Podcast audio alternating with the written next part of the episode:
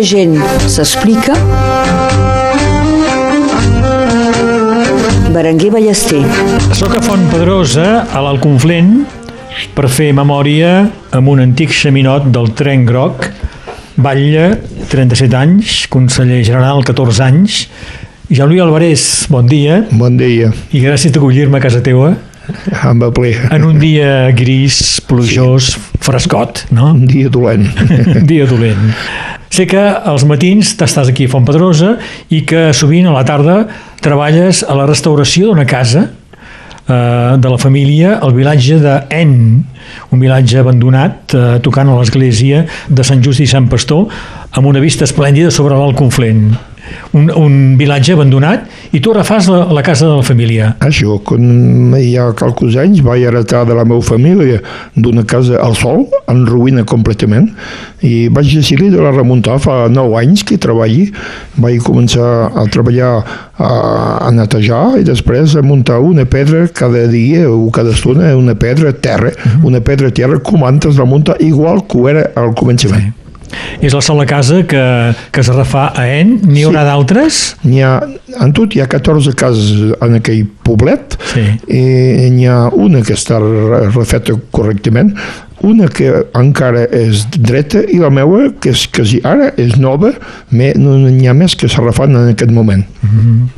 Jean-Louis Alvarez, ens parlaràs dels 37 anys de Vall de Fontpedrosa, dels Banys de Sant Tomàs, que el vostre Ajuntament va decidir comprar 10 anys després que s'hagués arrestat a la seva explotació, també dels 14 anys de conseller general del cantó d'Oleta, del tren groc, va ser cap d'estació aquí a Fontpedrosa, i també hem de parlar del 19 de novembre del 1985, quan et van alertar que hi havia treballadors de la SNCF que estaven desmuntant les vies del tren, volien acabar amb el tren groc.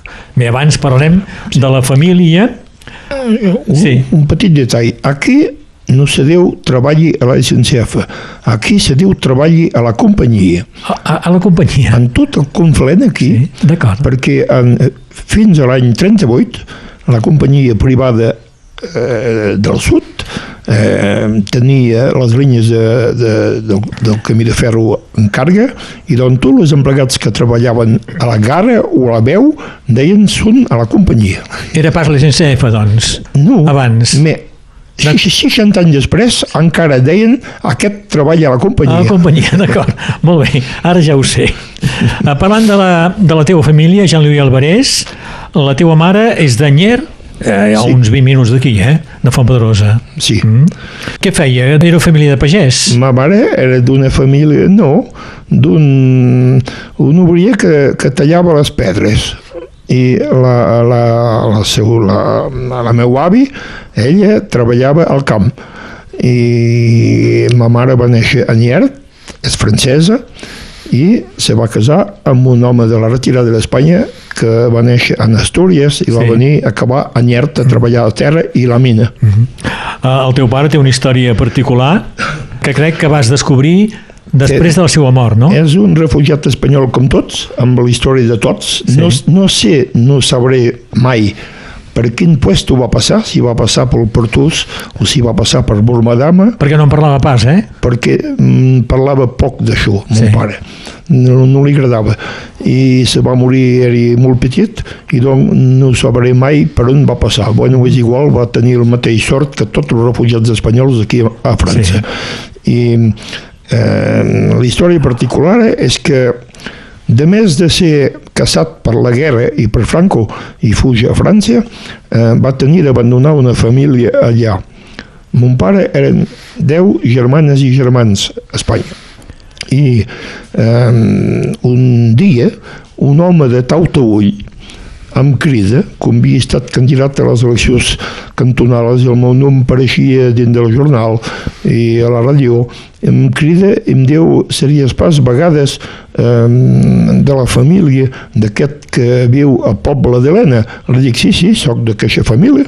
I aquest home vivia al mateix poblet, petit poblet com Sant Tomàs, eh, que mon pare. Astúries. I vaig organitzar una visita amb la dona i dos mainades petits.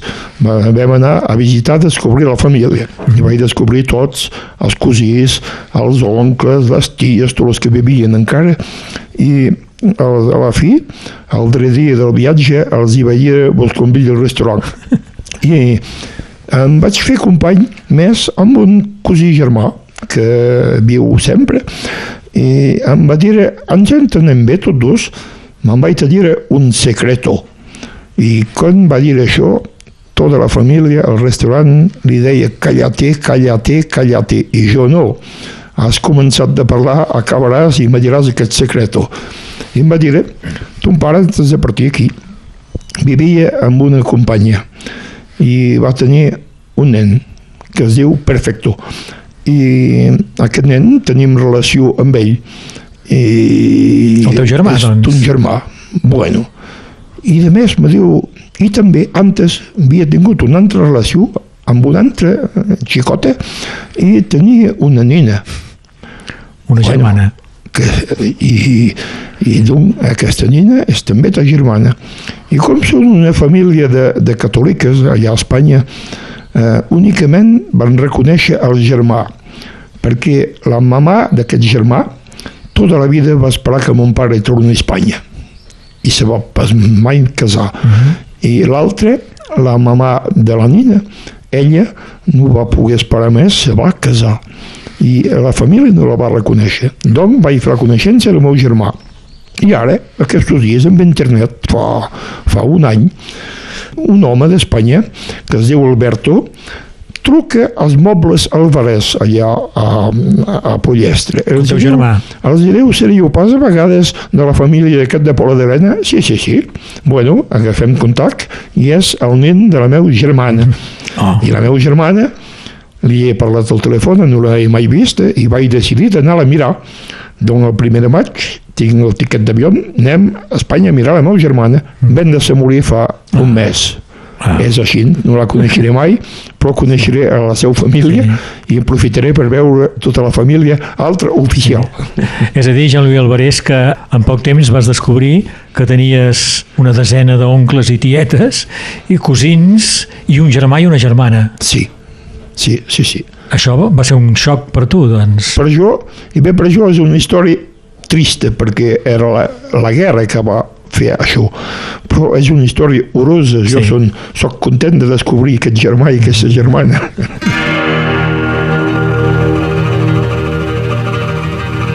Asturias, si yo pudiera, si yo supiera cantarte. Asturias verde de montes y negra de minerales.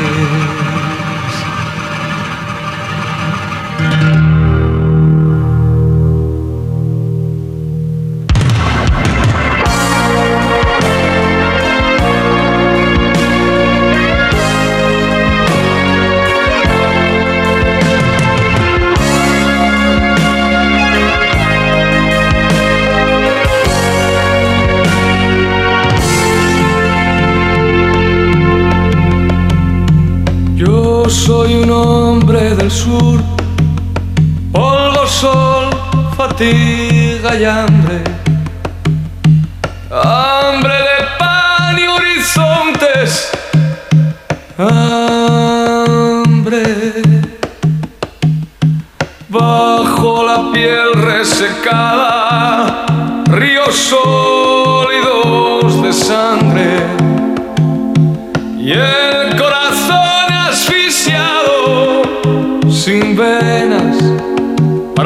aliviarte los ojos ciegos los ojos ciegos de tanto mirarte. Sin verte Asturias lejana hija de mi misma madre. Avui faig memòria amb Jean-Louis Alvarez, sem a casa seua, aquí a Font Pedrosa, ja sabem algunes coses. Eh, la mare és d'Anyer i el pare d'Astúries va arribar aquí a, a Catalunya Nord. Crec que eh, el pare, José Pedro, va treballar amb altres refugiats al foradament del túnel que porta l'aigua de les Bulloses, no? Aquí a Fontpedrosa, en 43, hi havia 400 espanyols, homes i, i dones i mainada, hi havia 400 persones. I tots els homes, com els homes francesos tenien tots treball aquí i els que faltaven eren els que eren presonesos de guerra, eren en Alemanya, els sí. els homes valides aquí. I doncs són els espanyols quasi majoritàriament, que van cruzar aquest túnel que passa aquí en faça, que va de la Cassanya fins a Oleta, que remassa totes les riberes, i que passa l'aigua de les Bulloses cinc o sis cops en una central elèctrica, sí. gràcies a aquest túnel. Avellans, La Cassanya, Fontpedrosa, Tuès i Oleta. Això. Centrals elèctriques que encara funcionen. Sí, sí, eh? sí, hi ha una aquí a vora que funciona sí. en aquest moment. Uh mhm, -huh. Molt bé. El teu pare, Jean-Louis Alvarez, va treballar a la mina? Va treballar a la mina d'Escoms, a la mina de ferro. Sí. I va tenir activitats sindicals? El conflicte no, aquí, no? No, era un sindicalista sense activitat sí. responsabilitat. No, no, era un home d'esquerra i un sindicalista. I no va tenir mai la nacionalitat francesa fins a que es va morir. Doncs no va poder, va votar en França. Doncs eh, en parlarem després, eh? el teu engatjament polític en el Partit Comunista és una qüestió personal més que familiar, doncs. Sí, jo, jo era sindicalista de, del Camí de Ferro, de tot jove, sí. de 17 anys, em vaig sindicar a la CGT, ben segur, sí. i quan vaig tenir 20 anys, eh, un dia de l'estiu aquí, un company meu, que es diu Clode Cortala, que era a Perpinyà, que eren d'una família de la resistència, vivia a Fontpedrosa, em diu, vine a nit a, a l'alcalderia de Fontpedrosa, que hi ha una reunió, t'agradarà això. Bueno, vaig anar allà i vaig ser me trobava membre del Partit Comunista francès, sense haver reflectit més aviat. Va, parlem després d'aquesta militància eh, comunista. Jean-Louis Alvarez, tu vas néixer a Nyer l'any 1948. Sí. Eh? Vas a escola a Nyer? vaig anar a escola Nyer fins a la, fins a l'entrada al Col·legi de Prada a uns anys. Quin record tens de, de Nyer en aquell moment? Uh, eh, un poblet molt calme, molt tranquil, hi havia poca mainada, eren una dotzena de petits, eh, ens amusaven al carrer, sempre vivien més al carrer sí. que dins la casa. El, el català era present a Nyer i a la família? El català, ah, el català sí, era la, era... Llengua, la llengua de la família. Sí. La, meu, la meu gran mare, la ma mare, mon pare que el va aprendre el català, tots parlaven català i parlo encara català amb mon germà i ma germana quan els encontri.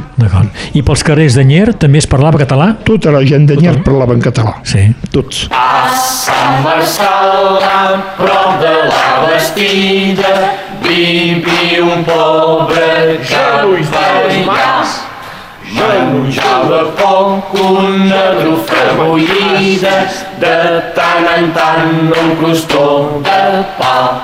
Quan no voldria una gallina, prop de l'ermitatge va passar. Li va torcer el coll i la va fer rostida, la mateixa nit se la va menjar. Llanca de fut és millor que trufes, llanca de fut és millor que pa. Llanca de fut és millor que trufes per sopar. I un bri més red de... A Sant Marçal, a prop de la Bastida, vivia un pobre capellà Menjava poc una trufa bullida, de tant en tant un crostó de pa. Quan no volia una gallina, prop de l'ermitatge va passar. Li va torcer el coll i la va fer rostida, la mateixa nit se la va menjar. I encara de fut és millor que trufes, i encara de fut és millor que pa. I encara de fut és millor que trufes per suc. I vinga, menjaguem! A Sant Sala, prop de la Bastida, vivia un pobre capellà. Menjava poc una trufa bullida, de tant en tant un crostó de pa. Quan en un molí i una gallina que va passar. Li va torcer el cor, la meva rosina, la va teixerit, se la va menjar. I amb cada fruta es diu que trufes, i amb cada fruta es diu que pa, i amb cada fruta es diu que trufes per sopar. Memòria a Ràdio Arrels amb Berenguer Ballester. Jean-Louis Alvarez, el 1964, entres a treballar a la companyia. Sí, vaig passar el concurs d'eleva explotació, se deia així, a la companyia, i vaig réixer i em vaig trobar afectat eh, calia que entri cada nit a casa i que busqui eh, treballar a vora de casa. Doncs em van posar a Vilafranca, vaig començar al tren groc, com a eleva vaig aprendre tots els messies de fer circular els trens. Eh, tota la vida has treballat al tren groc. Tota la tota vida. La vida. M'hi he estat 39 anys. Sí. I vas acabar sent cap de gara aquí a Fontpedrosa. Vaig fer 17 anys eh, xef de gara a Fontpedrosa i quan la van tancar aquest famós dia de 4.25, quan la van tancar vaig baixar a Vilafranca a acabar la meva carrera. Jean-Louis Alvarez, què va passar el 19 de novembre del 1985? La SNCF va decidir volia ser desbarassada aquest tren feia temps, depuis 68 i no hi arribava perquè aquest tren era molt defanut per la gent d'aquí, pels ximinots, per la gent d'aquí, per tothom, els elegits, tothom defenia el tren groc. Va mirar un sistema que podia tancar el màximum de gares, doncs la gara d'Oleta, de Fontpedrosa, de Bolmadama, de Sallagusa, eh, volia tancar totes aquestes gares i per això va inventar un sistema nou de circulació amb un únic emplegat que treballava a Vilafranca que feia circular els trens amb una ràdio i suprimir tot el xef de gara. I jo feia partida d'aquestos i vaig proposar al company del sindicat de fer ocupació de les gares per no pas que se passin aquests treballs que havien de fer obligatòriament per fer aquest, aquest sistema. I vam començar a fer un pedrós a Oleta, tot això vam empatxar les empreses de treballar. Això va durar un moment i es va calmar. I el 19 de novembre 85 la companyia ens va fer ens va dir que començaria els treballs a la gara de Bormadama a les 8 de matí que passi el que passi amb la força pública si necessari. Bueno, ens vam tots presentar a la gara de Bormadama en petjar que els treballs es passin. I no se passava res. I les dones ens van cridar, ens diuen me hi són a Font Pedrosa i ja havien arrencat totes les veus a Font Pedrosa, tot, vam baixar tots amb una ràbia terrible, vam tots baixar aquí, vam fotre l'entreprensa de fora, vam ocupar, vam guardar dos cadres dins del bireu de la gara fins a que es pugui discutir amb el director de Montpellier i ens vam trobar en una situació molt complicada. Ens van acusar de sequestració de cadres i ens van perseguir de manera disciplinària i d'una manera que se pot pas imaginar. Mm -hmm. Crec que va ser el 6 de març de l'any següent, del 1986, que vau passar en Consell Disciplinar. El 6 no? de març de l'any que va seguir ens vam, vam ser convocats al Consell de Disciplina 12 que ens, vam ser, que ens van considerar com els més responsables i sols d'aquests 12, 6, 5, 5 vam tenir la revocació uh -huh. i els 6, 7 altres van tenir sancions molt, molt fortes, sí. quasi la revocació. Uh -huh i la reacció dels xaminots de tot França va ser espectacular, no? El 6 de març a migdia els vam informar d'aquestes revocacions col·lectives. El 6 de març a 6 hores de tarda no passava més cap tren entre Lyon, Nantes i tot el sud de la França.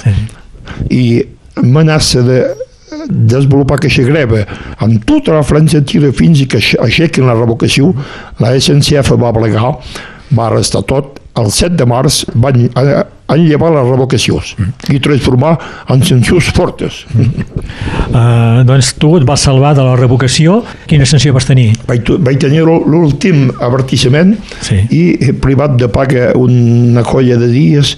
Eh, bueno, això, això se purga no és sí. res a la vora d'una revocació perquè jo eh, tenia 38 anys i a 38 anys no sabia fer cap mestier fora de xef de gara. I Sergi Bastida i Liberto Jofre van ser enviats fora del país, no? I Sergi Bastida i Liberto Jofre, en, de més que les sancions que vaig tenir jo i els altres companys, van tenir el desplaçament a Manda i a Nimes. I al final vam guanyar perquè vam tenir l'amnistia de tot el que es va passar i ens van enllevar les, les sancions. A Vilafaran que arrenca amb molta terrassa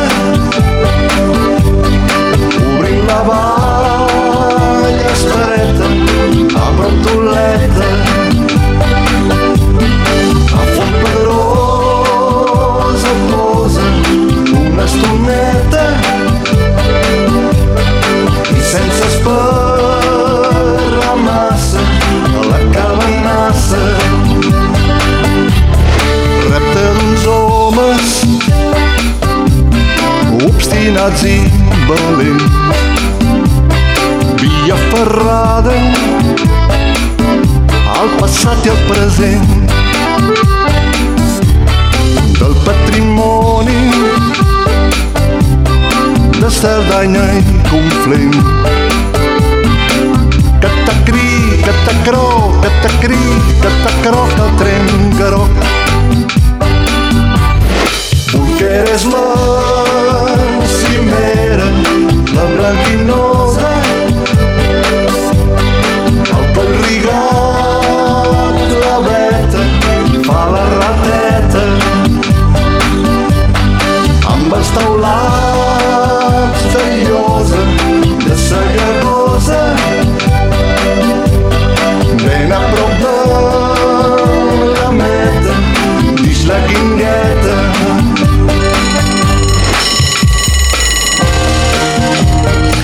Jean-Louis Alvarez, ja he dit que veu ser batlle de, de Fontpedrosa durant 37 anys, batlle comunista, ja ens has explicat que un dia en Clau de Cortala et va dir vine en aquesta reunió l'any 69 Sí, em vaig trobar adherent del Partit Comunista en 69, al juliol, i un any i mig després el mare de Fontpedrosa, que es deia François Roquet, que era un home admirable, que havia fet mare pendent 37 o 38 anys també, em diu proposem que sigui tu que seràs el mare nou de Fontpedrosa. Bueno, eh, jo no sabia on anava, tenia 22 anys, vaig dir sí, perquè ningú no volia escriure. Tothom diu, eh, aquí eren gent del país, els consellers, i tothom diu, no sabem de, de lletra, no sabem escriure si allà. Tu ho sabes fer? Bueno, jo si és, si és per quatre papers, ja ho sabré fer. No sabia ben bé on posar els peus, però vaig acceptar i me vaig trobar mera, tenia 22 anys i 10 mesos. perquè en aquell moment els comunistes eren molt ben implantats aquí al Conflent. feien 80% de veus. Sí. I d'altres llocs, per exemple, Alain Núñez, un altre xeminot, Sí. va ser batlle d'Oleta, Va ser També del Partit Comunista. encabat de jo també. Sí. sí. Hi havia a la gara de Vilafranca eren set meres en mateix temps. sí. Quasi tots comunistes, però també socialistes i, i sense partit, també, en tot hi havia set xeminots que eren meres al mateix temps Sí. a la mateixa estació. ser xeminot i comunista aquí t'assegurava tenir una elecció guanyada gairebé. Sí, hi va haver una llista que es va presentar contra nosaltres, però eh, jo era tot nou a Fontpedrosa, arribava i feia un any i mig al poble, no me coneixien massa la gent, però el François Roquet i els seus companys es van cuidar de fer arribar aquesta llista i després mai més vam tenir, mai vam tenir contrallista, eren sempre quasi tots sols, Sí. només un, un cop, més si no vam ser, vaig fer fins a 2008, quasi ser, tot sol com llista a Fontpedrosa. Batlle de Fontpedrosa del 71 al 2008. Fontpedrosa va canviar molt, ha Sí, canviat molt en aquests sí. 37 anys. Bueno, hem fet moltes coses. És una comuna que té un poc de, de mitjans, eh, ten quatre sous, que aquesta central aquí reporta un poc, la central nova que s'ha fet al bany també reporta un poc, i amb aquests eh, sous hi va ben crompar el bany de Sant Tomàs. Vam posar temps, va ser una fera complicada perquè la família no volia vendre la comuna, volia vendre en, to en tothom fora de la comuna. I com va vendre en un promotor que no el va pagar i va venir a me demanar de l'ajudar a guanyar. El vaig ajudar a guanyar, me vaig dir antes, t'ajudi a guanyar, me a condició que al acabat, quan guanyarem el procés, la comuna sigui propietària. Em va dir sí, es va passar així, va guanyar el procés i la comuna va venir propietari. Vam treballar a i fer una estació termal clàssica, com Bernet, com Molich, com Amélie, i semblava amb una veu i després no se va poder fer perquè la Seguretat Social no reembolsa comantes les cures termales i no es va poder fer. Havien crompat l'establiment, vam decidir de fer un petit poc de treballs i de fer una piscina de banys públics eh, en plen aire així fora i va marxar. Esperaven el primer any 93 que vam obrir, esperaven 40.000 persones per fer un bany, en va venir 80.000. Mm -hmm. Ara són 120.000. Sí. Bueno, és una fera que marxa. Sí. Hi ha 17 empleigos allà, és una bona fera. Pensaves que això podria passar així? Hi havia un, un petit poc de risc, Hi ha risc però se va passar bé perquè vam anar a mirar el Mera de Dores que havia fet la mateixa cosa al seu, al seu banys i ens va dir podes anar, és de Fontpedrosa que home era de Fontpedrosa d'origina em va dir, "Din, podes fonsar això marxarà a cop seguret bueno, li vam fer confiança, va Sí. anar bé. Uh, conseller general del Cantó d'Oleta del 2001 al 2015 Bueno, m'he cuidat, m'he cuidat d'ajudar força les 15 comunes del Cantó d'Oleta, era el meu treball, era normal que sigui de Mantet, Saurra, Pi, o les de les Garrotxes, Aigateva i Relleu Censà, o les de la vora d'Oleta, Cervinyà, Oleta, tot això, aquests petits poblets, els he molt ajudats a realitzar els treballs que volien fer, sobretot a trobar sous. I, de més, el que m'ha marcat el mes de que en sus 14 anys de Consell General és la mise en plaça de l'autobús a un euro. Sí. Això és una reeixida total. Mm -hmm. Vaig réixer a convaincre Christian Burken perquè tinc força estima per aquest home que es va morir. Eh, vaig réixer a convaincre que era un bon plan de fer pagar un euro únicament per tots els trajets i l'autobús que passava aquí a Fontpedrós de la Torre de Carol, que baixava 8 amb una sola persona i el xofer només cada dia, ara baixa cada dia 50 persones i sovint, sovint quasi tres cops cada setmana hi ha dos, tres autobusos que segueixen. el bus a un euro va ser idea teua doncs Va ser una idea meva, sí, al depart, em calia guanyar la confiança en Burken. i va costar això? I això se va passar més, diré més que això. Jo havia proposat de fer un euro 50 i el Burken me diu és d'acord, ho fem, me serà un euro. Bueno, millor, bona fera. és més gràfic, un euro és millor que no pas un euro 50 Sí, T'ensenyaré al cim de les muntanyes quatre prats verds sota la neu. T'ensenyaré una vall plana que se'n diu se'n diu Cerdanya. El sol s'amaga enllà de les muntanyes. El ramat se'n torna cap al cortal l'ombra s'allarga a poc a poc dins la plana que vigilen els arrocs dins la plana que vigilen els arrocs caminarem fins a la casa que jo conec amagada pels verns. Té les parets encara grogues de paia i l'olor del forment de paia i l'olor del forment. Farem un foc per treure l'ombra donar claror a la nit del temps. Les teves mans a les flames i els teus ulls dins dels meus escoltarem els teus ulls dins dels meus escoltarem. Escoltarem. Cruixir la casa. La Cerdanya se calla, ha perdut sa veu. Només queden en vida les campanes i les hores que cauen del cel i les hores que cauen del cel. Jean-Louis Alvarez, i ara estàs jubilat de tots els mandats. Ara són jubilat completament. I et manca això? Ara viu com un citoyen ordinari, simple. Passi una vida que m'agrada. M'aixequi al matí, vaig a l'hort cada matí, tinc un gros hort, després eh, mengem i la tarda me'n vaig a treballar en el casot adent, mit aquí. I cada setmana vaig un dos a la pesca, cap a la Bollosa o cap a la Cerdanya o aquí a la Tet, en totes les petites riberes del país, agafi qualque truita, mengem truites i a la tardor agafi el fusill i vaig a la caça, mengem isard, mengem cert, mengem cinglar i llebre, mit aquí, la vida que me passi en aquest moment. Doncs et manca pas a aquests mandats ni de batlle ni de conseller general. Bé, eh, acabem ja aquesta memòria amb Jean-Louis Alvarez.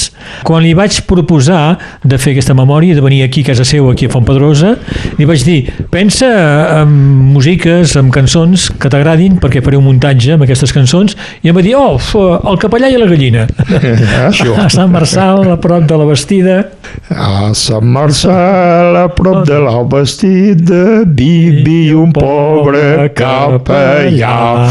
Menjava poc una trufa bullida, de temps en temps un bocí de pa.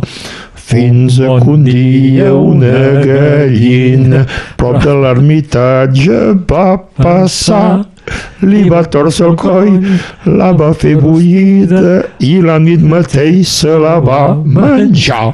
Llamp que te fot, que és millor que trufes. Llamp que te fot. M'agrada, aquesta cançó m'agrada molt i he après quasi totes les paraules. Bé, m'ha dit, posa el que vulguis. Doncs eh, de músiques posarem, si vols, el Tren Groc sí. de l'Albert Bueno i d'altres músiques catalanes que m'has dit que, que t'agradaven. Jean-Louis Alvarez, gràcies d'haver-me acollit a casa teua. Amb molt ple. Aquí a, a Font Pedrosa. 37 anys sent ball a Font Pedrosa.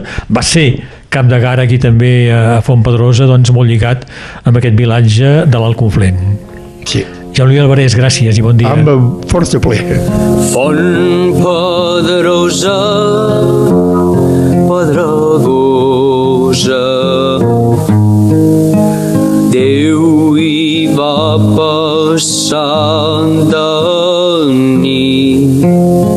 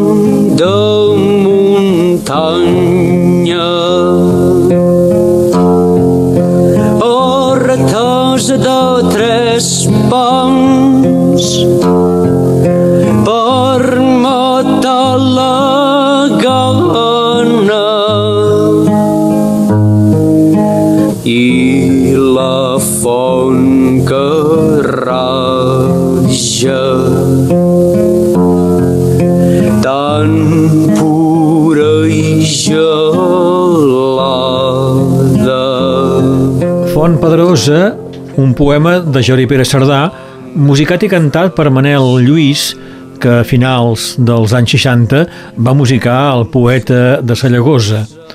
Abans hem escoltat Astúries, una cançó de Víctor Manuel. Recordeu que el pare de Jean-Louis Alvarez, ja ho ha explicat, era asturià.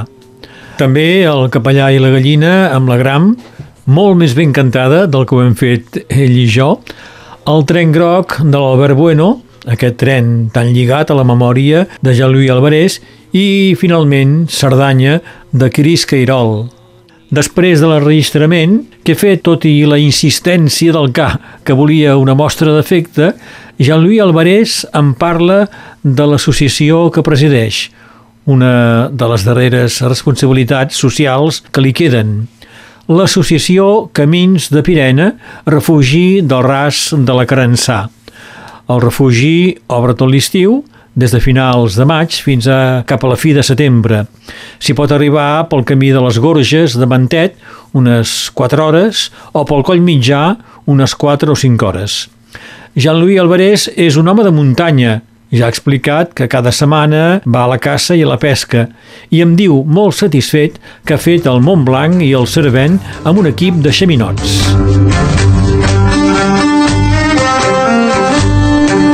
Memòria. La nostra gent s'explica. Berenguer Ballester.